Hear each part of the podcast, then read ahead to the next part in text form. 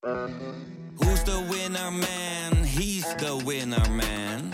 Is hij miljonair? Geen idee, maar nou en. Je hebt geen jackpot nodig to be a winner man. Oh oké, dat is wel lekker man. Deze podcast is 100% expertisevrij en alleen geschikt voor amusementsdoeleinden. De inhoud mag dus niet worden beschouwd als financieel advies. Dit is Jong Beleggen, de podcast. Ik ben Milou. En ik ben Wim.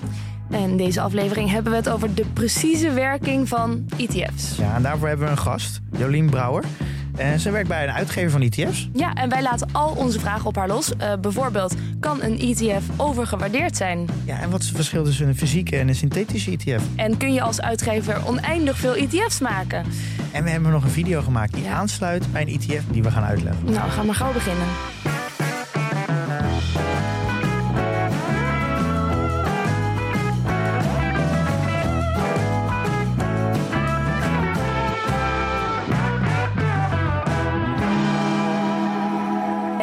Ja, en we weten al heel veel over ETF's natuurlijk. Maar als mensen mij intelligente vragen stellen eh, over hoe dat nou precies werkt en hoe dat nou tot stand komt en wat er allemaal achter schuil gaat, hoe dat nou kan, een ETF, dan sta ik toch altijd nog met mijn mond vol tanden. Eh, dus daar gaan we het over hebben. Wat is de exacte werking van ETF's? En daarvoor hebben we het gast Jolien Brouwer. Ja, Welkom. dank, dank. Hartstikke leuk om hier te zijn. Je werkt bij Invesco.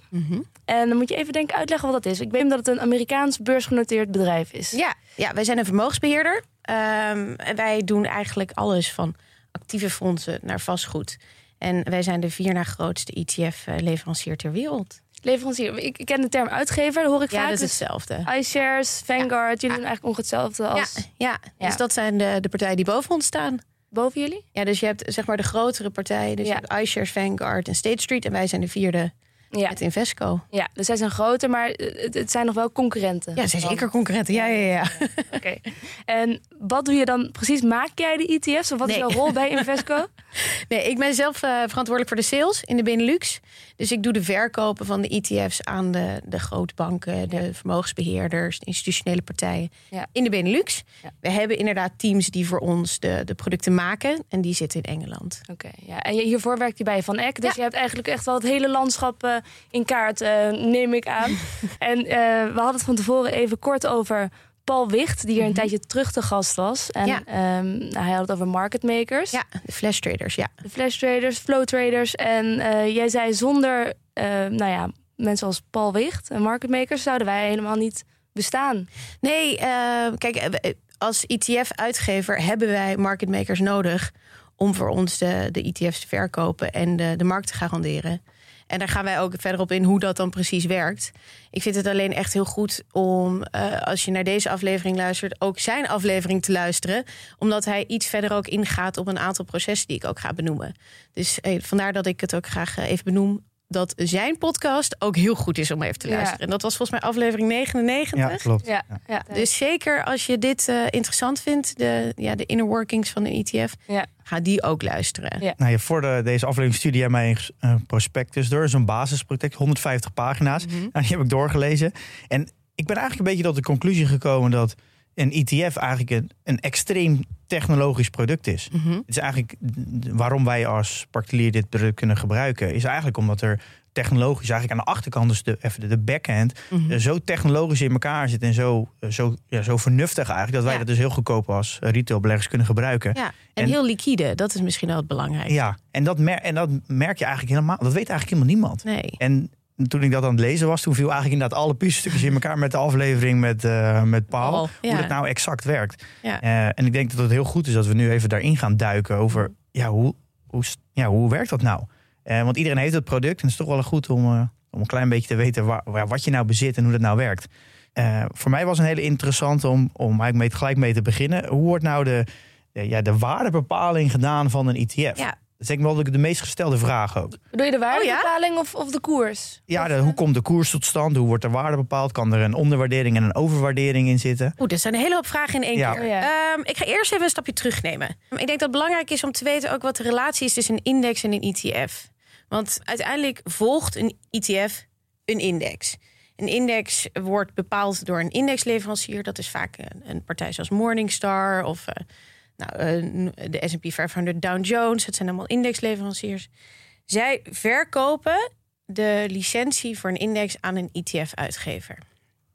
Wij zijn dus niet degene die bepalen, dus de ETF-uitgevers zijn niet degene die bepalen wat er in een ETF komt. Dat is, ja, je doet dat in samenwerking vaak, maar het is uiteindelijk de indexleverancier die dat voor ons doet. Dus wat bepaalt nou de waarde van de onderliggende ETF? Het is eigenlijk gewoon de aandelen die in een index zitten. Er zal wel een klein beetje een afwijking zijn. Daar weet ik dat wij daar, daar straks ook nog over gaan hebben. Dus ik ga er nu niet over beginnen. Ehm, er zit altijd wel een kleine afwijking bij. Maar het is het doel van een ETF om zo dicht mogelijk bij de waarde van de index te Ja, blijven. eigenlijk het letterlijk de, de benchmark. De benchmark, ja. Ja. Maar bedoel je dan de waarde dus van de aandelen die, eh, die in die index zitten? Ja. Het gemiddelde daarvan? Nee, Of- nee, nee, er wordt gewoon gekeken naar, oké, wat de, wat zijn de wegingen van, een, eh, van de onderliggende aandelen? Dat Ja. kan market cap weight zijn, equal weight kan het zijn. Je kan ook ESG-weighted hebben of eh, nou, noem het wat en je hebt er een waardering bij. Bij het begin van een, van een index wordt gezegd, nou, dit is de, de huidige wegingen. Dit is de huidige eh, waarde ervan. Wij gaan hier een verdeelsleutel maken en gaan ervoor zorgen dat het startpunt 100 is. Dus dan heb je een bepaalde verdeelsleutel en dan begin je op een startpunt 100. En dan gaat die omhoog en dan gaat die omlaag. En dan zie je een beetje hoe de koers beweegt. Dus je ziet vaak dat bij indexen het in percentages of in punten wordt uitgedrukt wat de waarde van een index is. Ja. Als je een ETF daarop maakt, dan volg je eigenlijk een beetje dezelfde methodiek. Je zegt, nou, ik begin met, ik zeg het wat, 10 euro. En 10 euro staat gelijk aan de waarde van de index op dat niveau. Dus eh 10 euro is 100 punten bijvoorbeeld. Theoretisch zou het Ja, kunnen. Er ja. zal natuurlijk wel altijd iets afwijken, omdat er kosten zijn bij een, bij een ETF die je dus niet meer hebt bij, bij een index. Maar goed, dat volgt gewoon elkaar. Ja. Dus dat is wat een eh Ja, en die, die, regel, bepaalt. die regels die dus worden, worden door de indexmaker bepaald. Mhm. Eh, en als ETF, ETF-uitgever neem je dat eigenlijk gewoon letterlijk over. Daar kan je dus niet in. Mm. eh, dus als zij bepalen, we gaan vier keer per jaar herbalanceren. Dan moeten jullie dat als ETF-uitgever dat, dat dus ook doen. Nou, het is iets genuanceerder dan dat. Je hebt natuurlijk hele grote indices.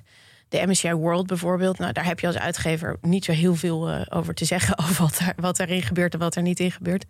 Maar je hebt natuurlijk ook heel veel indices die je vanuit een bepaald idee of bepaald gedachtegoed maakt. Eh, bijvoorbeeld een heel specifiek thema Ja. of bepaalde uitsluitingen die je wil doen. En dan ga je in samenwerking met een indexleverancier op zoek naar de beste oplossing. Je bent natuurlijk ook gebonden aan een aantal regels, usage-regels bijvoorbeeld.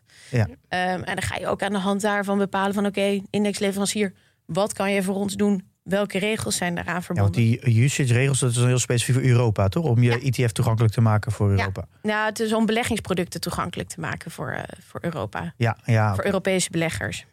Zit een, eh, een ETF altijd op zo'n index? Want de AEX bijvoorbeeld kennen we allemaal. De S&P 500 zijn van die bekende indexen. Of indices. Indices, ja. indices. Ehm, maar ik weet ook dat er een obesitas ETF is. I- Is daar dan ook dus een, een index voor? Waar ja die worden dan specifiek gemaakt. Voor de ETF? Ja, in voor de bijzonder. ETF. Oké, Ja. dus Maar ja. je hebt ook actieve ETF's. En die gaan wel gebaseerd op regels bepalen wat de, wat de onderliggende holdings zijn. Maar dat kan je bijvoorbeeld ook met AI doen. Dus dan zeg je, ja, je hebt een, een team van researchers of een, een AI-team die gewoon gaan bepalen van aan de hand van deze parameters moet er een holding in ja, deze dat is ETF dus niet worden op. gebaseerd op een index Ja. die je afneemt. Ja, Maar als we bijvoorbeeld de, de Euronext nemen, dat is de uitgever van de AEX.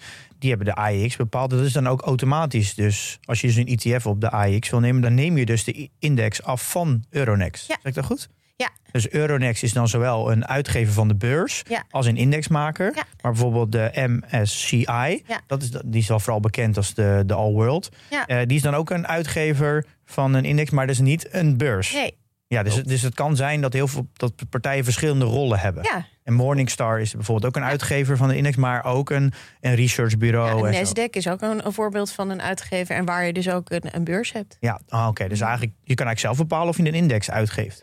Ja, Oh, je kan dus ook gewoon een, index, een bedrijf starten als indexuitgever. ja dat kan. Maar dan een soort van white label of zo. Ja, ja, ja, en die bestaan ook zeker. Ja, want dat vond ik dus ook in die prospectus. Die, daar stond dus heel op elke ETF die er is, stond, stond ook de uitgever van de, van de, de index, ja. Ja, dus ik ben al die uitgevers gaan opzoeken. Toen kwam ik in hele, ja, het leek een beetje obscure bedrijven. Maar dat zijn eigenlijk een beetje gewoon hele back-end bedrijven. Technische bedrijven die alleen maar B2B producten leveren. Data, data verzamelen vaak. Ja, en die gewoon in, soort van ingenieurs van indexen. En die neem je dan af. Ja. Het is dan eigenlijk zo dat als je... Waarom doen ze dat dan? Wat verdienen zij daar voor geld aan? Dan een index maken? Wij betalen indexlicenties. Dus als wij een index afnemen van een partij, dan betalen wij de rechten om die index te Ja, gebruiken. dus jullie hebben een vraag naar iets en zij creëren dat. Ja. ja oké. Ja. Want je kan als uitgever van ETF niet zelf de index maken, zeker. Die dat die mag moet- niet. Nee, Ja, nee, die dat moeten mag niet. gescheiden Ja, zijn. Ja, daar is, dat is natuurlijk de reden waarom er van die eh, B2B-bedrijven zijn, denk Ja. ik. Dat Als jij graag een eh, AI eh, of eh, VR-ETF wil opstarten als uitgever van een ETF, maar je, je, hebt, je kan geen index maken, dan Ja. moet je natuurlijk naar een partij toe gaan die voor jou Ja, die en er index zijn, maakt. er zijn ook partijen die dat wel doen hoor, dat ze onder dezelfde groep vallen. Maar dat zijn dan echt heel specifiek afgeschermde eh, entiteiten. Die mag echt daar niet, eh, daar mag geen invloed in zijn. Ja. Want dat is Ja. natuurlijk ook hè, de charme van een ETF. Is dat er geen invloed wordt uitgeoefend van de buitenaf over wat er in de, in de ETF komt. Ja. Je hebt met elkaar afgesproken, ik wil een bepaalde benchmark volgen. Of ik wil een bepaalde sector of ontwikkeling of, of economie volgen. Ja, dan mag je als uitgever niet er eh, even over iemands schouder gaan kijken en zeggen: hé, hey, eh, ja, het komt mij eigenlijk toch niet zo heel goed uit dat jullie deze keuze hebben gemaakt. Dus uh, draait maar even terug. Ja, oké. ja. Dus Ja. dat kan echt niet. Dus in die samenwerking van het maken van de ETF, dat is een hele nauwe samenwerking. Maar zodra die staat, is dat eigenlijk, geef je het dan als uitgever uit handen wat er dan vervolgens in de Ja. ETF komt. Dat is wel een belangrijk verschil, ik denk, met, met echt een aandeel van één bedrijf bezitten. Daar kun je naar de aandeelhoudersvergadering en je bemoeien met eh, de koers en de inhoud misschien. Maar voor een ETF heb je natuurlijk geen aandeelhoudersvergadering waar mensen zeggen dit moet in de ETF en dat moet er niet meer in. Dan gaan we beter presteren. Ja, ja, nee, niet op dat niveau, nee. Maar er kan wel vanuit een ETF worden gestemd op eh, aandeelhoudersvergaderingen. Oké, ja. Maar Dus Dat is misschien wel een interessante vraag, want waar baseren ze dan de keuzes op? Want ze vertegenwoordigen in principe heel veel aandeelhouders. Ja. Ja, dat, is, dat, is een beetje, dat ligt een beetje aan wat voor partij je bent. Als ik even vertel over Invesco, als wij een, eh, een, moeten stemmen en we hebben een groot genoeg belang vanuit onze ETF, dan stemmen wij mee met de actieve aandeelhouders die al vanuit Invesco actief stemmen. Ja, oké. Dus dat is een beetje aan de hand van wat voor bedrijf je bent en wat voor beleid je daarop hebt. Wat mij eigenlijk opviel, dat er twee hele bekende all-world zijn. ETF's en dan de Vanguard en de iShare. Maar die zijn allebei gebaseerd op een andere. Index. Ja. En, en dus ik ben eigenlijk die index een beetje naast elkaar gaan leggen. En ik zie daar best wel grote verschillen in. Mhm. En dus eigenlijk zijn de, de indexmakers hebben best wel. Het is, best, het is natuurlijk mensenwerk, maar die hebben best wel veel macht eigenlijk om te bepalen wanneer is een bedrijf nou. Wanneer mag een bedrijf nou überhaupt in een all-world index? ja. ja, want bij een S&P 500 heb je natuurlijk de grootste bedrijven en ook bij de AX en de 25 grootste van Nederland. Dat zijn echt een soort van regels waar je dan aan houdt. Maar hoe wordt dat voor, voor een wereldindex? Ja, ja dat, dat is ook weer aan de hand van wat zij hebben bepaald. Ik denk dat het Ja. al heel goed is om hier echt een aflevering over het bouwen van indices over te maken. Mhm. Om daar een keer echt, Ja. echt iemand voor uit te nodigen die over indexen kan praten. Want jullie baseren je alleen op dus de Wij baseren ons daarop en we hebben natuurlijk ook, wij, wij zoeken naar een index waarbij de regels past bij het beleid wat wij willen. Eh, en niet alleen wij, hè, want je hebt natuurlijk ook eh, de grote institutionele beleggers die zeggen: wij willen graag een ETF en daar willen we graag deze, deze benchmark voor. Ja, dan gaan wij dus ook iets maken voor die, die specifieke benchmark. Ja, oké, ja. Want jullie hebben dus echt een, een maken wel echt een onderscheid, denk ik, voor ETF's voor de particuliere beleggers en de meer, eh, ja, echt de grotere beleggers. Ja, het is, het is hoe je er naar kijkt. Kijk, je kan een. Uiteindelijk gaat het bij ons gewoon om een succesvol product. Dus wij willen zoveel mogelijk van die producten kunnen verkopen. Ja. Dat is zoals elk bedrijf dat doet. En bij de ene heb je inderdaad meer het idee van: oké, dit wordt inderdaad een retail georiënteerd product.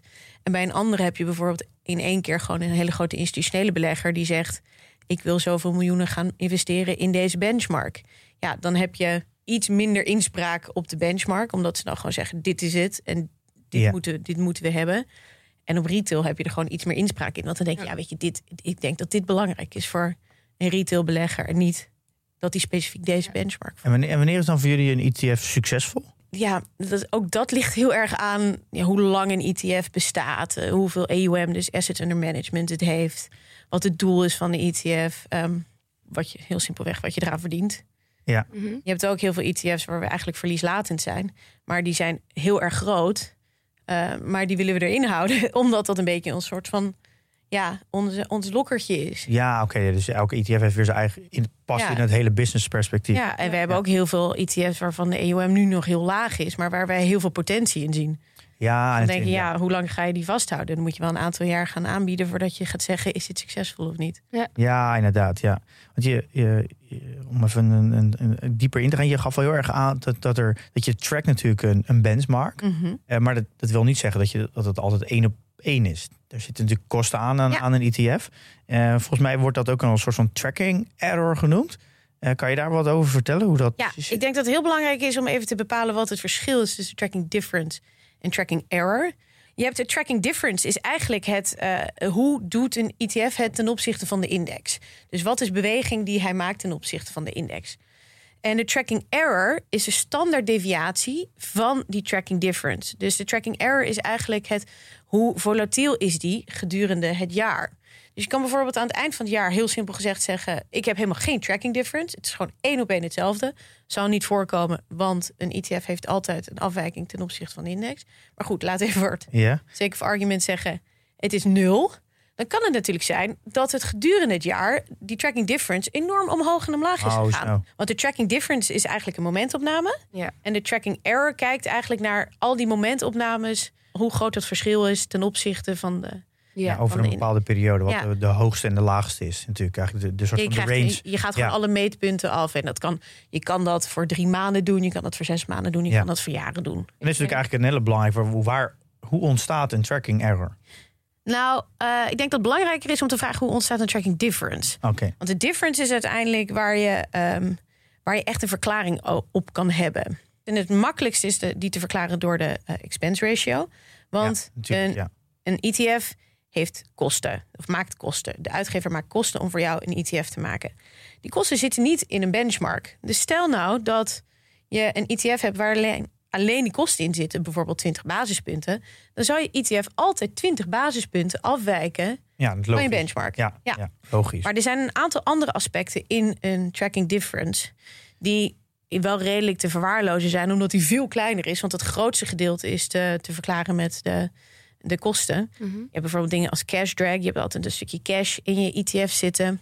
Nou, als dan de, de markt bijvoorbeeld heel hard omhoog gaat, dan gaat de ETF ook omhoog. Maar omdat er een stukje cash in zit, dan gaat dat natuurlijk niet zo hard Ja, omhoog als de index. Dus dat is het. Want een index cash- heeft natuurlijk geen cash. Dus die is altijd een soort van 100% belegd. Ja, ja, nou, nou, ja. dat is iets wat heet cash drag. Je hebt natuurlijk ook de kosten voor het herbalanceren, wat een, een index niet heeft. Want de index gaat gewoon vanuit, nou, eh, aandeel A vervang ik door aandeel B, klaar. ja, ja. Maar in een ETF moet je ze verkopen, Ja. je moet er nieuwe aankopen, dus er zijn ook kosten aan verbonden. Ja. Dus dat is die tracking difference. En, en heeft dividend ook nog, speelt dat ook nog een rol? Ja, dat ligt een beetje aan hoe de ETF-leverancier of uitgever omgaat met het ontvangen van de, IT eh, van de dividend. Wordt het uitgekeerd? Dus heb je een, eh, een distributing variant, dan wordt het als cash opgenomen. Maar je kan ook het eh, tijdelijk beleggen in dezelfde aandelen en dan weer verkopen op het moment dat je het moet gaan uitkeren. Dus er wordt op een andere manier kan je ernaar gaan kijken. Ja. Accumulating ETF's zijn over het algemeen gewoon meteen herbeleggen van het dividend. Ja, oké, maar er zit ook altijd wel een, een tijdverschil tussen de ex-dividend date. eh, wanneer het aan, waar het koers op reageert. En natuurlijk dat je daadwerkelijk het dividend ontvangt. En dat heeft natuurlijk een index niet. Dus dat, dat zou ook een, een oorzaak kunnen zijn van. Ja. een- ja, het- Ja, dat heeft dus met name bij de, de, eh, de distributing ETF's een effect. ja, omdat er natuurlijk een, ja, een index heeft natuurlijk die, die, eh, die tijd, tijdsperiode niet dat die cash niet nog naar je toe Ja. moet komen. Ja. Maar is, het, ehm, is zo'n tracking difference vaak verwaarloosbaar? Of is het echt belangrijk eh, om in de gaten te houden als je zelf ETF's hebt? Nou ja, je moet er vooral naar gaan kijken. Dus het, eh, op een moment dat de tracking difference heel veel groter is dan de kosten die er worden gemaakt. Want uiteindelijk zijn de kosten nog steeds de grootste, de grootste impact hebbende factor op een tracking difference. Als daar ineens twee keer of drie keer zoveel eh, tracking difference op zit als- de kosten, ja, dan moet je wel even gaan, gaan navragen wat er, Wat er aan de wat hand er aan is. de hand is.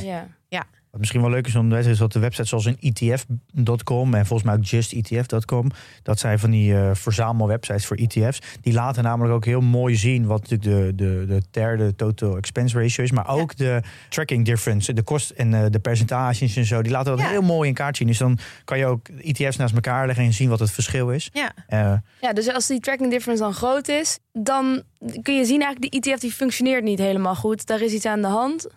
Nou, er, ze moeten er altijd een verklaring voor geven. Is er wel eens, eh, dat jij weet, is er een voorbeeld van dat, eh, dat zo'n tracking difference heel hoog is opgelopen en wat er dan achteraf aan de hand bleek te zijn?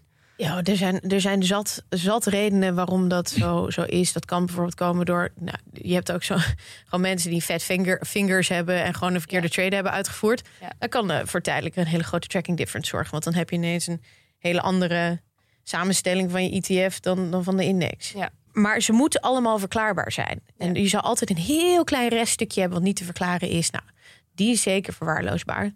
Maar ik denk dat je ook een beetje het achterhoofd moet houden. Waarom moet je dit weten? Bij het kiezen van een ETF is het zeker iets om even naar te kijken. Maar zeker niet het belangrijkste om naar te gaan kijken. Want ja, je ziet het ook gewoon eigenlijk meteen op. Als je kijkt naar, naar de rendementen, dan, dan zie je vaak de, het rendement van de index in de grafiek staan en het rendement van de ETF. Ja. Je ziet het vaak heel dicht bij elkaar Je zitten. ziet altijd dat er ietsje afwijkt inderdaad. Ja. Maar het is inderdaad meer een check waar je even moet naar moet kijken. Ja. Van, eh, ja, wijkt het niet te ver af en dan is het check, oké, dan is het goed. Ja. Daar, daar is het meer voor bedoeld. Ja, en eh, er zullen niet zo heel veel ETF's zijn waarbij dat heel erg afwijkt, omdat uitgevers van ETF's ook al weten van, nou, hier wordt naar gekeken. Ja, Dus het het- eigenlijk als je natuurlijk afwijkt, dan is, ja, dan is, klopt eigenlijk je product natuurlijk niet. Want je belofte is dat je de Die ETF... zo dicht mogelijk ja, erbij blijft. Ja. Ja. Dus je wil ook niet, zelfs al maak je meer rendement dan onderliggende index, dan doe je het eigenlijk nog steeds niet goed. Want dan is je, klopt je belofte natuurlijk. Nou ja, je, je kan meer rendement maken dan de onderliggende index. Dat kan met synthetische ETF's kan dat. Dus dan, je kan dus een negatieve eh, eh, tracking difference hebben en je kan een positieve tracking difference hebben. Ja. Dus ja, dat is ook. Ja, maar je wil natuurlijk het liefst dat het niet, ja, ook al is, wijkt het af in jouw voordeel als Ja, aan de, wil je dat eigenlijk niet, want als het kan afwijken in het, jouw voordeel, kan het natuurlijk eigenlijk automatisch ook afwijken Ja, in dat- Dus je wil het eigenlijk, Ja. je koopt met, je koopt eigenlijk het, de ETF met de belofte. eh, die- je trackt de Mm, index. En dan ja. wil je ook het liefst dat dat ook natuurlijk gebeurt. dat is, maar dat is ook zo. Kijk, uiteindelijk een ETF-uitgever zou nooit een ETF maken met als doel eh, een bepaalde markt te outperformen. Nee. dat is niet het doel van Dat, een dat willen ETF. wij allemaal, de markt verstaan, Ja. maar dat doet de ETF Nee, maar niet. dat is niet het verhaal. Ja. Je- Je, zei synthetische ETF's. Ja, Wat is dit? Ja, je hebt dus fysieke replicatie van ETF en de synthetische replicatie van een ETF. Bij een fysieke replicatie koopt de uitgevende instantie de onderliggende aandelen. Nou, laten we even als voorbeeld nemen de AEX van de AEX. Oké, dus Dat- zij, zij kopen de aandelen om ze weer in, samen in een ETF te stoppen Ja. en aan gewone, mensen. Zoals, En aan, aan, jou te verkopen. Ja. Ja. Dus als jij de eigenaar bent van de ETF, ben je dus eigenlijk eigenaar van de onderliggende aandelen van de AEX. ja. Wat je doet met de synthetische ETF is dan koop je eigenlijk niet de onderliggende aandelen, maar je koopt eigenlijk het rendement wat bij die onderliggende aandelen hoort. En wat de uitgevende instantie dan vervolgens doet, is die koopt een andere samenstelling dan wat het eigenlijk is. En die gaat een contract aan met een tegenpartij. Vaak meerdere tegenpartijen, want je wilt die tegenpartijrisico verminderen. En die tegenpartij levert dan eh, het resultaat van de index. Jij levert het resultaat van de onderliggende Ja. aandelen die je hebt gekocht. Ja. En dat is een synthetische ETF. Oh, wat ingewikkeld, want dat maakt, ik, snap het wel, maar waarom moeten ze het zo moeilijk maken? Want je, je, hebt dan, je koopt het rendement, wat niet wordt veroorzaakt per se door, die, door jouw ETF. Ja, en je koopt het omdat het een aantal voordelen heeft. Je hebt ehm, bijvoorbeeld voor Amerikaanse aandelen, als je een, eh, een, een synthetische ETF hebt, betaal je geen dividendbronbelasting. Dat is een, een, een wet die in Amerika is, die ervoor zorgt dat je geen dividendbelasting over, erover Ja. hoeft te betalen. Dus ja, dat scheelt toch wel weer 15% op je dividendrendement. Ja. Het heeft ook een aantal voordelen dat het goedkoper is om te doen. Want je hoeft natuurlijk niet bij elke herbalancering aandelen te kopen en te verkopen. Je houdt gewoon dezelfde portefeuille. ja. Alleen de tegenpartij is degene die het voor jou. eh, Maar heb je dan ook meer zekerheid over dat rendement wat je maakt? Het staat los er eigenlijk van, dus het kan ook verschillen lijkt me. Nee, want uiteindelijk is het wel zo dat je de tegenpartij die garandeert eh, het rendement. Oké. Eh, de tegenpartij is dan ook de eigenaar van de onderliggende aandelen. Dus je bent eigenlijk indirect heb je wel exposure naar die. naar Ja, die maar, maar je kan nooit rendement garanderen, toch?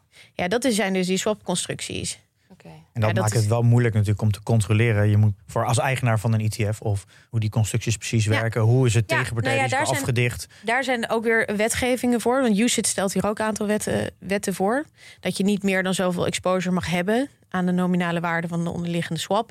Dus dan wordt het ook wel een beetje technisch. Ja, ja. Ehm, maar ja, dus daar zijn heel, hele strenge wetten voor. Ehm, je mag ook niet meer één tegenpartij gebruiken. Je moet meerdere tegenpartijen gebruiken.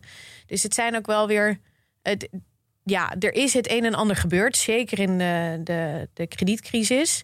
Waardoor deze producten ook wel wat strenger ehm, ja. gecontroleerd worden. En soms kan je niet anders, hè? Want soms zit je ook gewoon vast aan, aan eh, dat je bijvoorbeeld een bepaalde exposure wil naar een hele specifieke markt. waar er gewoon geen handel in is voor, voor de market makers. Ja, en die gaan dan ook zeggen, ja, maar dat willen we helemaal niet. Maar die willen wel zeggen, een- een bank die heeft bijvoorbeeld dan wel die exposure zal staan voor whatever reason. En die zegt, nou, wij willen wel met jullie deze, deze trade aangaan. Ja. En jullie hebben dus als, eh, nou, ik stel je bent een uitgever en je hebt van die fysieke dingen, eh, fysieke ETF's. Mag je dan dus bij zo'n aandeelhoudersvergadering zijn? Als, ja, een uitgever heeft er waarschijnlijk heel veel. eh, Nou ja, jij dingen. bent, de, jij bent de eigenaar. Wij zijn niet de eigenaar. Dus de uiteindelijke eigenaar van de ETF is de eindbelegger. Maar als jullie ze inkopen, Ja, maar wij zijn niet de eigenaar. De eigenaar is de, is de. Wij zijn uiteindelijk alleen de manager van de ETF. Ja. Maar jij als, eh, als eindbelegger bent eh, de eigenaar. Ja. Dus dat is ook het, het, het, ehm, het afschermen van het risico. Mochten wij ineens failliet gaan, ben jij nog steeds de eigenaar van, jou, van jouw stukken. ja. Want die liggen bij een custodian opgeslagen. Dus dat betekent eigenlijk dat als je naar de aandeelhoudersvergadering wil, dan kan je gewoon zeggen: Ik heb een ja, AEX-ETF. Mhm. Dan, zou, dan moeten ze je eigenlijk toelaten, omdat je dan. Oeh, dat durf ik Mag je bij Unilever hebben voor? Oh nee, Unilever niet meer. Dat zit er niet meer in. Ja, zit ook in de index nog in. Oh, oké. dat, dat betekent Dat dat, je weet ik eigenlijk al niet. eigenaar bent. Ja, geen idee eigenlijk. Want dat moet je altijd opgeven, natuurlijk, Ja. hoeveel eh, stukken je bezit. Of ben je eigenaar? Nou, dat zou dan. Ja, maar het is denk ik wel indirect. Daar Ja, durf, ik- daar durf Oh. ik geen uitspraak over te doen. Geen idee. Zoek hem op. Ja, zoeken we op. Ehm, we hebben natuurlijk net al even gehad over dat stukje over dat het gemaakt wordt. En daar komt ook, ik zie ook heel vaak de begrippen langskomen agio en disagio. Dat houdt eigenlijk in dat het, eh, je hebt dan de, de ja, net eh, asset value van een ETF. Dus eigenlijk alle, alle ja, aandelenwaarden bij elkaar opgeteld. Mhm. Eh, en dat kan zijn natuurlijk dat die ETF meer vraag naar is. En dat als die Oh, waarde ja. omhoog gaat. En dan heb je dan volgens mij een agio. Ja. En als het an- andersom is, dat er dus meer verkocht wordt, maar de net asset value is hoger, dan heb je een disagio. Daar moet je, het natuurlijk daar heb je gecorrigeerd dus worden. die market makers voor. Want zij zijn degene die ervoor zorgen dat de waarde van een ETF niet te veel afwijkt van eh, de onderliggende waardes. Wacht even. hoor. Dus ehm, hebben we het dan over of bijvoorbeeld een ETF overgewaardeerd kan zijn omdat er heel veel vraag naar is dat die koers op gaat lopen? Ja. Of, Kijk, dat, en dat is dus niet de bedoeling. Dat mag echt niet gebeuren Nee. dat dat, dat, dat maar dat het gebeurt geval is. natuurlijk wel. ja, is er wel eens een ETF overgewaardeerd? Nou, Ja, maar dat zou een hele korte tijd zijn. Want wat er dan gebeurt, als het eh, meer vraag naar dan dat er eigenlijk aanbod is, Ja. ja, dan gaat de uitgever gaat creëren. Ja, dat is eigenlijk wat de Ja. wat, dat is om die vraag te beantwoorden. Kan een, Ja. Kan een ETF overgewaardeerd zijn? Ja, hele kleine momenten maar. Want wat er gebeurt als er dus meer vraag is naar een ETF, waardoor dus, eh, de ETF meer waard is dan de onderliggende waarde, dus de net asset value. Ja. Wat gebeurt er dan? Gaan die market makers die denken, hey, ik ga die ETF, eh die zit dus een verschil, dus een arbitragezaak. Nou, die gaan dus dan die, die Ja. eh, ETF verkopen, die aandelen voor terugkopen en zo zorgen die market makers er content voor. Dat die, die net asset value van een ETF evenveel waard is als de ETF zelf Ja. op de beurs. Maar tegelijkertijd, bijvoorbeeld eh, neem de Global Clean Energy ETF. Volgens mij willen heel veel mensen nu in schone energie investeren. Dus het zou best kunnen dat eh, voor al die bedrijven die dan in die ETF zitten, dat die misschien allemaal overgewaardeerd zijn. En dan zit er natuurlijk nog steeds een overwaardering in je ETF. Ja, want dat is ook, eh, om even één stap terug daar ook te nemen. Je moet ook inderdaad gaan kijken naar wat is de waardering van de onderliggende aandelen.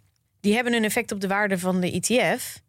Maar de ETF heeft niks te zeggen over of de onder of de Ja. of het onder of overgewaardeerd is. Wat, Nee. in, wat een onderliggende Nee, maar dat, dat, is, dat klopt zeker. Ja. Maar dat is wel goed onderscheid dat de ETF is dan niet overgewaardeerd. Maar de aandelen in die ETF, die kan je wel beoordelen Ja. als overgewaardeerd. Maar dat is natuurlijk, dat moet je zelf als belegger zelf. Ja. Wat, wat vind je ondergewaardeerd? Dat is Ja. natuurlijk geen, er is geen vaste maatstaaf voor. Je kan niet zeggen alles onder de 15 PI is ondergewaardeerd ja. en alles daarboven is overgewaardeerd. Ja. Eh, dat is natuurlijk aan jezelf om, ja, om dat als belegger goed uit te zoeken. Ja. En dat is dus ook niet de taak van de market maker om daar een, eh een Nee, die, die, die te moeten Ja. gewoon voor zorgen dat de, de, de onderliggende aandelen in een ETF net zoveel waard is als de ETF zelf. Ja. En dat de market maker zorgt dat dat, dat eigenlijk zo dicht mogelijk bij elkaar zit. En daardoor Ja. en daar is heel veel competitie op. Ja. Dat, dat zag ik dus ook in die prospectus. Dat, dat ze bij heel veel verschillende market makers worden aangeboden en een contract hebben, zodat er heel veel competitie is. Ja. Dat zei Paul ook. Daardoor is het een soort van race naar, Ja. naar de het allersnelste en daardoor ook de goedkoopste prijs. Ja. Eh, wat voor, wij, voor ons eigenlijk eh, natuurlijk als eh, retailbelegger natuurlijk heel gunstig is. Ja, en dat is dus ook die samenwerking met die market makers. Want zij zijn degene die voor ons garanderen dat een, dat een ETF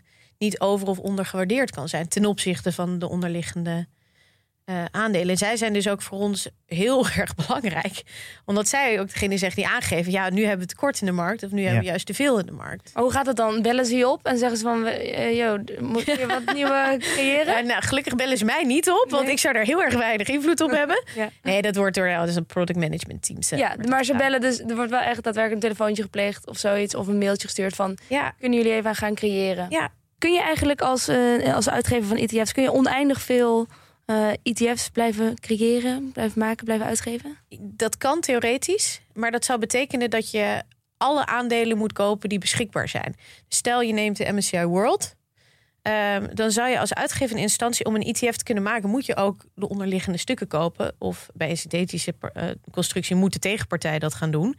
Dus er moet een, een groep moet alles wat er is kunnen aankopen. Om dat te doen, moet ook alles wat er momenteel in bezit is bij iemand anders verkocht worden. Ja. En de kans dat dat gebeurt is heel erg klein. Maar dan is het alsnog dus eindig. Want op een gegeven moment zijn alle aandelen op. Nee, want de aandelen kunnen bijgemaakt worden. Het is geen goud. Goud is eindig. Na een Ja. tijdje, als goud op is, is goud op. Ja. En dat Wij- drijft natuurlijk de prijs ook heel erg omhoog. Ja, en bedrijven kunnen aandelen blijven uitgeven. ja, maar dan moeten de bedrijven dan dus wel doen. Als ze Ja. het niet doen, dan is het eindig. Toch? Dan kun je dus niet oneindig... Ja, maar bedrijven Dat is gaan heel stom. Ja, maar er zijn altijd weer bedrijven naar de beurs. Die gaan weer nieuwe. Ja, maar wat er dan gebeurt, eh, om ook even, als je dan toch even verder gaat redeneren in het eh, laat, it's never gonna happen scenario, is als die bedrijven geen, bijvoorbeeld voor de MSCI World, eh, moet je een bepaalde mate van eh, market cap hebben om in de MSCI World te worden opgenomen. Ja. Als jij geen aandelen gaat uitgeven en alle andere partijen doen dat wel, dan daalt jouw market cap en dan val je na een tijdje uit de MSCI World. Dus Ja. dat probleem lost zichzelf ook wel weer op. Je mag ook volgens mij niet eens beursgenoteerd zijn als je niet zoveel free float hebt. Dus je moet toch. Dat zijn alweer voorwaarden om überhaupt beursgenoteerd te zijn. Dan moet je minimale free float hebben van ja, IX percentage. Ja, dat is afhankelijk van welke, welke beurs dat is. Ja, maar goed, mocht je theoretisch eh, alles willen opkopen van de MSCI World... dan weet ik dat je 61 triljoen dollar nodig hebt. Dus eh, dat hebben wij niet. en nee, ik gok nee, ook ja. niet dat dat heel snel gaat gebeuren... dat er Ja. zoveel vraag naar de MSCI World-index gaat komen. Oké.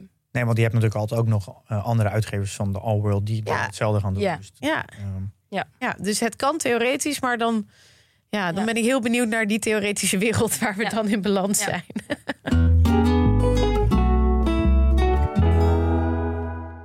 wat mij dus eigenlijk ook opvalt, dat heel veel founders van ETF-uitgevers allemaal uit de, de, de, de, ja, de high frequency trading hoek komen. Ja, Nu begrijp ik waarom. Ja. Dat is eigenlijk eh, vrij logisch natuurlijk. Dat die eigenlijk, ja, die zitten eerst aan de achterkant. Die zien dat natuurlijk, die zijn begonnen denk ik in de jaren, eh, een beetje eh, begin jaren negentig. En die hebben dat natuurlijk zien ontstaan, door hoe, hoe belangrijk de market maker is voor Klopt. ETF. En die zijn natuurlijk eigenlijk langzaam naar de voorkant geschoven Mhm. en veel meer de, het gezicht geworden in plaats van de achterkant. ja. Nu snap ik die ontwikkeling veel beter. Want Oh, de hele wereld valt ineens Ja, op zijn plek voor jou. ik, moet, ik vond die echt die pro- prospectus. Die, en nu met, met het afleveren van Paal en hier Ja. alles veel in één keer bij elkaar. Nu snap je ook veel beter hoe die ontwikkeling van de ETF is ontstaan. En waarom al die, ja, de achtergrond van al die mensen, waarom ze die ETF's zijn begonnen. Ja, en waarom mensen ook zo enthousiast zijn erover. Ja, ja, dat begrijp ik ook heel goed. Het is, Ja. eigenlijk, het is eigenlijk een heel groot stuk fintech. Gewoon technologische innovatie. Mhm. Er gebeurt zoveel technologisch op de achtergrond, waardoor het eh, eigenlijk zo interessant is voor ons eh, als, eh, ja, gewoon even als, als simpele belegger. Mhm. Het is echt een, ja, eigenlijk een heel, een heel ja, emancipatie van de particuliere belegger. Want ben jij ook net zo enthousiast als, als Pim is over de ETF? En ik natuurlijk, ik ben ook fan. Ja. Ja, ik ben vooral heel groot fan van alles wat makkelijk uit te leggen is en wat makkelijk te begrijpen is. Nou, sorry, maar wat, dan heb je verkeerde vak gekozen, denk ik. Ik vind het echt verschrikkelijk lastig. Ja? wat vind Nou, je ik er vind lastig aan? Nou, je kan beter uitleggen nog hoe fotosynthese bijvoorbeeld werkt bij een plant. kan ik me nog meer bij voorstellen. Nee, ja, ik, nee, ik vind het wel relatief makkelijk. Als je dat vergelijkt met. Kijk, uiteindelijk, de werking van een ETF is heel simpel. Heel plat geslagen. Wij kiezen een index. We, we zeggen, we maken er een mandje van, van wat er in die index zit. En je volgt een bepaalde economie. Hoe dat mandje dan vervolgens gemaakt wordt met het aankopen en verkopen van de ETF's. Ja, dat is ook niet heel complex. Maar moet je gewoon even begrijpen. Ehm, maar in de kern is dat niet heel ingewikkeld. Nou, ik, ik denk dat ik het dus wel enigszins in mijn hoofd heb. Maar als mensen mij vragen en ik begin over mandjes... dan zie ik mensen gewoon alleen van ja, nou, het zal wel. Ja, dus ik vind het moeilijk om uit te leggen. Dus Ja. dat is het misschien Maar meer. gebruik gewoon een concreet voorbeeld, zoals de AIX. Dat is Ja. eigenlijk het allermakkelijkst, want iedereen kent de AIX. Ja. Nou, wat je eigenlijk heel erg merkt is dat eh, wij zien natuurlijk heel erg alleen maar de uitgever, dus de Mm. Van Eck of de Vanguard of de Invesco. Maar er, zit, er zit- zitten heel veel bedrijven achter die allemaal bijdragen om dit te creëren. En dat zijn natuurlijk allemaal B2B bedrijven. Eh, maar dat is sowieso met beleg hoor. Wij zien natuurlijk de broker, daar loggen Ja. we in. Maar er zit natuurlijk heel veel achter. Bijvoorbeeld Ja. de clearing bank zit Ja. natuurlijk achter. En eh, wat is het? Custotio, Custodians, ja. Custodian eh, Bank is dat denk ik. Ja. Die zit er ook nog bij. Nou, Ja. En daar gaan we ook nog een keer een aflevering over maken. Je zit, natuurlijk de, de market makers en de, de indexmakers. Ja, Er zit, er zit zo'n wereld achter die broker en die ETF. Want wij zien natuurlijk eigenlijk alleen maar... oh, je logt in bij je broker. Oh, ik selecteer een ETF, ik druk op koop. ja. En, het, en er gebeurt zoveel aan de achterkant nog. ja. Ja. Is een beetje hetzelfde als de internet natuurlijk. Als je een mailtje Precies. stuurt, weet niemand wat er aan de achterkant precies gebeurt. Maar Ja. het is natuurlijk wel fantastische innovatie. Ja. Ja, en maar je hoeft dat gelukkig ook als eindbelegger niet helemaal te begrijpen. Nee. Maar ik, ik begon dus met de vraag: waarom ben je zo enthousiast over het? Toen zei je dus: ik vind het leuk als iets makkelijk is uit te leggen. Ja. Is, verklaart dat al je enthousiasme voor de ETF? Of is, zit er nog meer achter? Ja, god, dit, is een, dit is een vraag waar ik eigenlijk nog nooit even over heb nagedacht. Nou ja, omdat ETF, kijk, wij noemen het wel eens een, een revolutie voor Ja. gewoon een particuliere Ja, belegger. misschien wel. Misschien ook omdat ik als persoon in de financiële dienstverlening... ik ben natuurlijk een, een vrouw in de financiële dienstverlening... die ook nog ETF-sales doet. Daar heb je er niet zo heel veel van in Nederland. Ik vind het ook gewoon leuk om ehm, dingen te doen... die andere mensen nog niet zo heel Ja. veel doen. Ik Ja. vind het ook leuk om een ander gezicht te zijn... dan wat je normaal zou verwachten. Dus misschien vind ik het daarom ook leuk. Ja. Omdat ETF-sales gewoon niet zo vaak worden gedaan... door types zoals ik. Ja, Het is überhaupt een uitdaging om vrouwen te vinden. Ja. Die, eh, en het is soms enigszins nog een klein beetje geluk, maar overwegend mannen. Het is Ja, dat vind ik heel jammer. Dus heel ik hoop moeilijk. ook een beetje dat deze podcast vrouwen inspireert om een keertje te komen kijken bij de financiële dienstverlening. Ja, nou, als je tips hebt voor, eh, voor, voor vrouwen die ik te gast Ja. mag zijn, eh, wij, zijn staan er zeker voor open. er zijn er heel veel, dat weet ik zeker. Ja. Ehm, en heb je ook nog, nou ja, die hele titels met ETF's. Ik kies dan meestal wel iets uit. Kijk, bijvoorbeeld als je de, de All World wil, dan weet ik dat de meeste mensen MSCI hebben. Dus dat doe ik dan ook. Dat is toch een soort van, van merknaampje wat, eh, wat erop zit. Dat heb ik Ja. dus ook gelezen, dat branding van een index Ja. Extreem veel gewoon. bepalend is Ja. Het succes van een ETF. Nou, ik denk soms, je wilt toch in iets betrouwbaars beleggen. En als je weet, dat dit wordt heel veel gebruikt. Dan ga je daar eerder een je geld in steken, lijkt me dan. Ja, maar dat betekent dus dat het- dan Maar dan, moet ik ook even weer het onderscheid maken tussen is dit, is het voor retail of is het een grote institutionele belegger die zegt ik wil per se deze index hebben. Kijk, grote institutionele beleggers zijn vaak gebonden aan, aan een heel groot aantal regels waar ze aan moeten voldoen. En die mogen niet zomaar een hele exotische benchmark eh, Nee. gaan bedenken. nee, nee. natuurlijk. Ja, ja, ja. Dus Dus alles wat wordt uitgegeven is in principe gewoon betrouwbaar. Bedoel je? Hoe, hoe bedoel je? Nou, eh, als ik MSCI zie, dan denk ik eerder van... oh, daar kan ik beter in beleggen dan iets wat ik niet ken. Ja, maar dat betekent niet dat ze niet betrouwbaar zijn. Nee. Nou, Nee. Ik denk dat je een beetje Nee. moet zo zien dat als je, als je denkt aan cola, dan, dan denk je gewoon gelijk dat is Coca-Cola. Als je, als je denkt aan zoeken online, dan is het, dan is Google. Ja. Dat is een beetje hetzelfde met als je denkt over wat is de All World Index. Ja. Dat is de MSCI. Ja. Het is gewoon, dat het is een soort van, dat, die, zijn, die branding is zo goed dat die twee gewoon aan elkaar verbonden zijn. Ja, en je ziet het vaak met de meer exotische ETF's. En daar heeft Van Necker bijvoorbeeld ook een hele hoop van. Die, daar, daar was gewoon niet eh, bij een mainstream partij een index op te vinden. Dus dan gaan ze Ja. naar de wat kleinere partijen kijken. Ja, die partij heb ik dus eh, die gevonden inderdaad. Dat zijn inderdaad Ja. echt eh, de, de specialistische partijen die Ja. inderdaad eh, indexes maken voor wat meer exotische pro- ja, samenstellingen, Ja, en, en je merkt ook wel dat het dan ook wel wat minder belangrijk wordt wat de, eh, wie de indexuitgever is. Als maar de onderliggende regels duidelijk zijn ja, en, ja. en makkelijk te begrijpen. En, Ja. ja. Ja. Ja, precies. Oké, dus ik kan niet zeggen van MSCI is beter. Of weet je wel, dat je denkt van ik moet een... di- hier heb ik nog nooit van gehoord van deze index. Dat vertrouw ik niet. Dat is, Nee, dat je moet altijd goed je onderzoek doen naar wat er dan, eh, wat, Mhm. wat voor partij het is en, en wat ook een beetje de, ja, de, kijk naar het verleden en wat ze nog meer hebben uitgegeven. Maar je hebt sommige indexleveranciers die gewoon echt beter zijn in de alternatieve indices dan de grote wereldwijde. Jullie zeggen exotische ETF's. Eh, ik ben wel even benieuwd wat jullie daarmee precies bedoelen. Bedoelen jullie hele bijzondere ETF's? Of...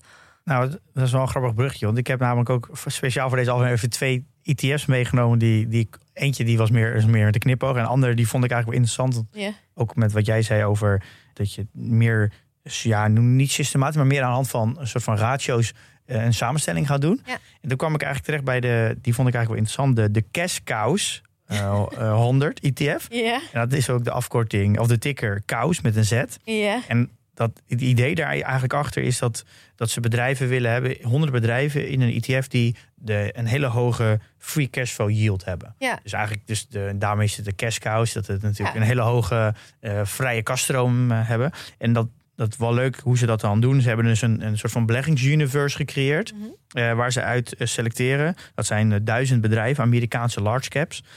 Dus ook wel de Russell d- 1000 ja. eh, index. En dan gaan ze dat screenen op 100 bedrijven die dan de hoogste free cashflow yield hebben.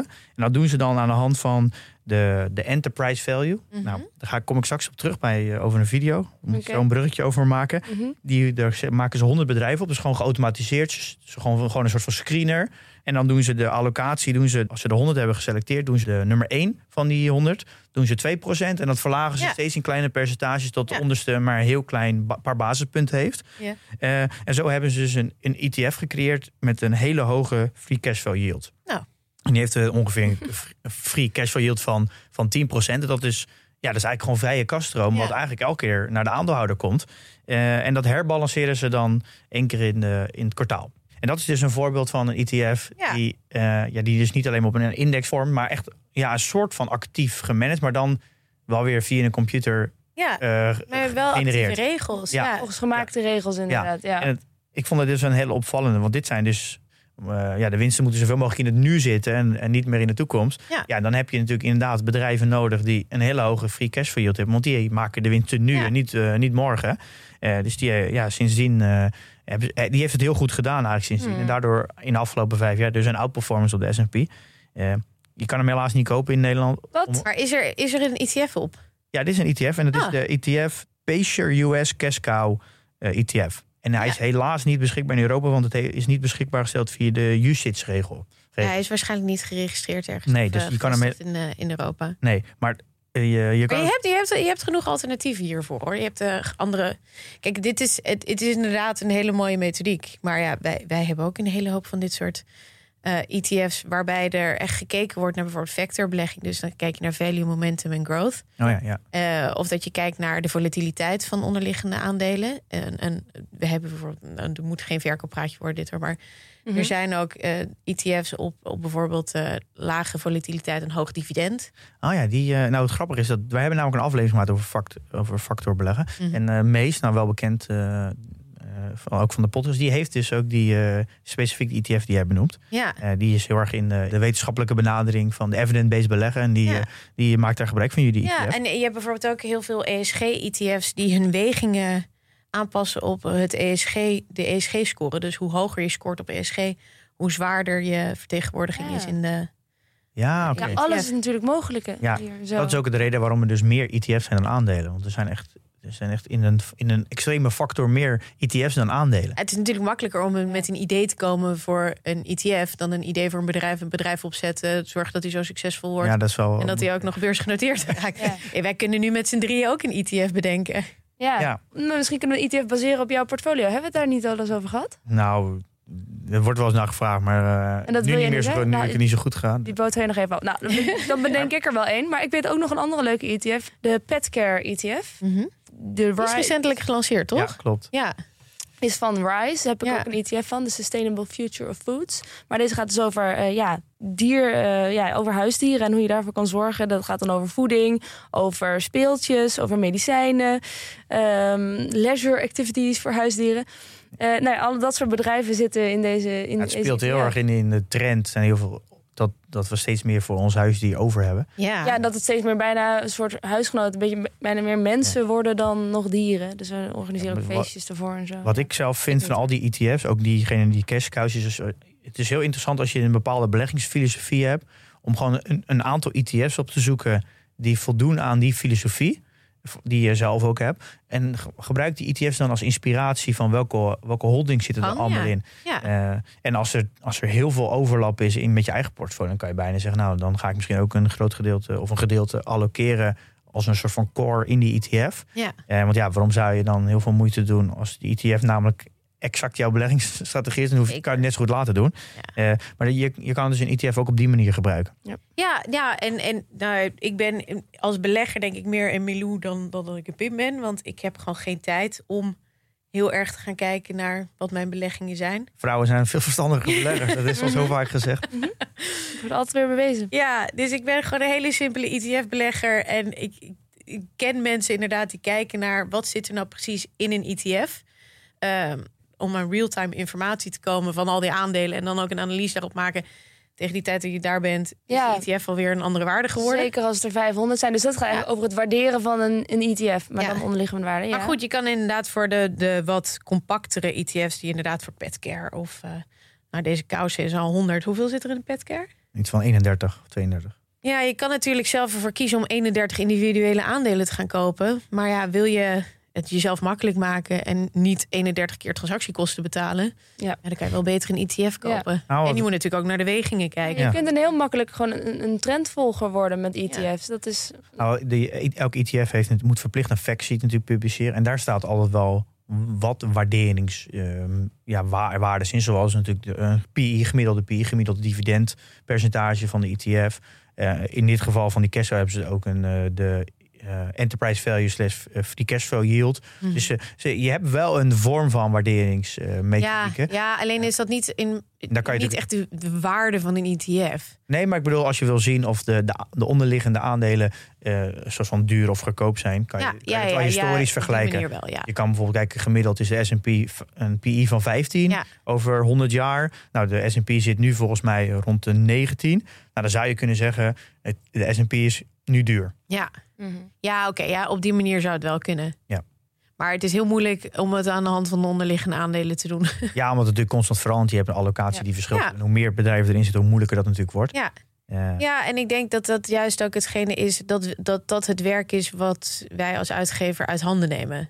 Ja. Vertrouw, vertrouw op ons en op het systeem nou, dat bedoel- het, dat het ja. goed genoeg werkt. Nou, dat is natuurlijk het idee van een ETF. Eigenlijk vooral een goed gespreide ETF. Ja, Dat je natuurlijk zowel dat je altijd in de markt zit. En het- soms is het natuurlijk net even het is de markt net even te duur en dan zakt het weer. En soms is het weer net te goedkoop als het een crash is. En dan met het idee dat je er natuurlijk altijd in zit. ja. Eh, ja, en je hoopt natuurlijk ook dat de ETF-beleggers zich niet laten beïnvloeden door bijvoorbeeld een crash. Dat zij gewoon blijven zitten en dus ook een dempend effect hebben op een crash. ja, daar hebben we het natuurlijk ook met Paul over gehad. Dat juist door dat, dat IT de market makers natuurlijk moeten aankopen als iedereen de, de deur uit wil, zorgt Ja. ook uiteindelijk voor een, een, een dempend effect. Mhm. Maar je hoort ook vaak mensen zeggen van ja, al die ETF-beleggers hebben zoveel effect. Dus er zijn ETF-bubbels. Hoe kijk jij daarnaar? Ja, daar kan je echt ook een. Tenminste, maar ETF-bubbels. Een, een bubbel ontstaat als er een hele specifieke overwaardering is van een hele specifieke ja, sector. Ja. Dat zie je bij de internetbubbel, maar dat zag je ook bij de tulpen, tulpenmanie van eh, de 17e eeuw. Ja, dat zou je bij wereldwijde ETF niet zo heel snel hebben. Want daar zitten zoveel sectoren, zoveel landen in. En zoveel, als, daar dan, als dat een bubbel is, de wereld, dan, ja, dan hebben we een veel groter probleem dan alleen maar. Ja, nou, het idee, Ja, ik, ik weet niet of ik, daar, ik, of ik dat nou echt geloof. Maar het, het idee is dat er zoveel mensen passief eh, alles maar constant aankopen en nooit verkopen. Omdat Mm. het constant buy and hold is.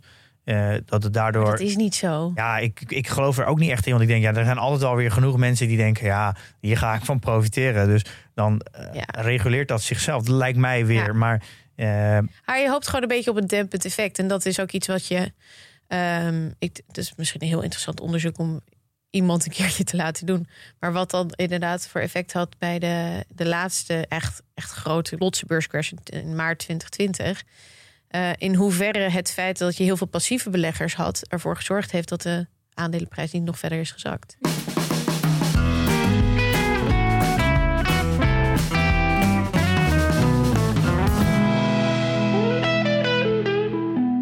Pim, er is alweer een video. Mees die is aan het produceren als malle. Mentor Mees. Ja, wij worden eigenlijk allemaal verwend. We, we gaan natuurlijk een serie maken, een videoserie over eh, waarderen van aandelen.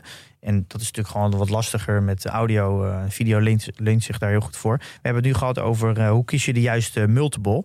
En dan eh, hebben we het ook vooral over de exit multiple. Maar we behandelen dus ook even de, de kapitaalstructuur van een bedrijf. Want heel veel kijken naar de, de koers-winstverhouding. Maar daar wordt natuurlijk niet rekening gehouden hoe een bedrijf ja, financieel gestructureerd is, de kapitaalstructuur. Want als een bedrijf heel veel schulden heeft, eh, dan moet je dat eigenlijk natuurlijk van aftrekken van de waarde van het bedrijf. Ja. En niet alleen de marktkapitalisatie pakken.